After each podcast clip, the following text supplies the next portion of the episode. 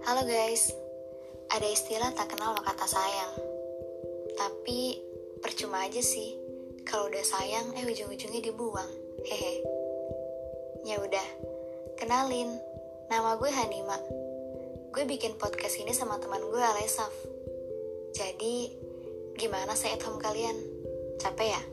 Bosen? Jangankan pengen keluar rumah, pengen keluar dari pikirannya sendiri aja nggak bisa. Ngomong-ngomong soal stay at home, jadi gimana hubungan kalian?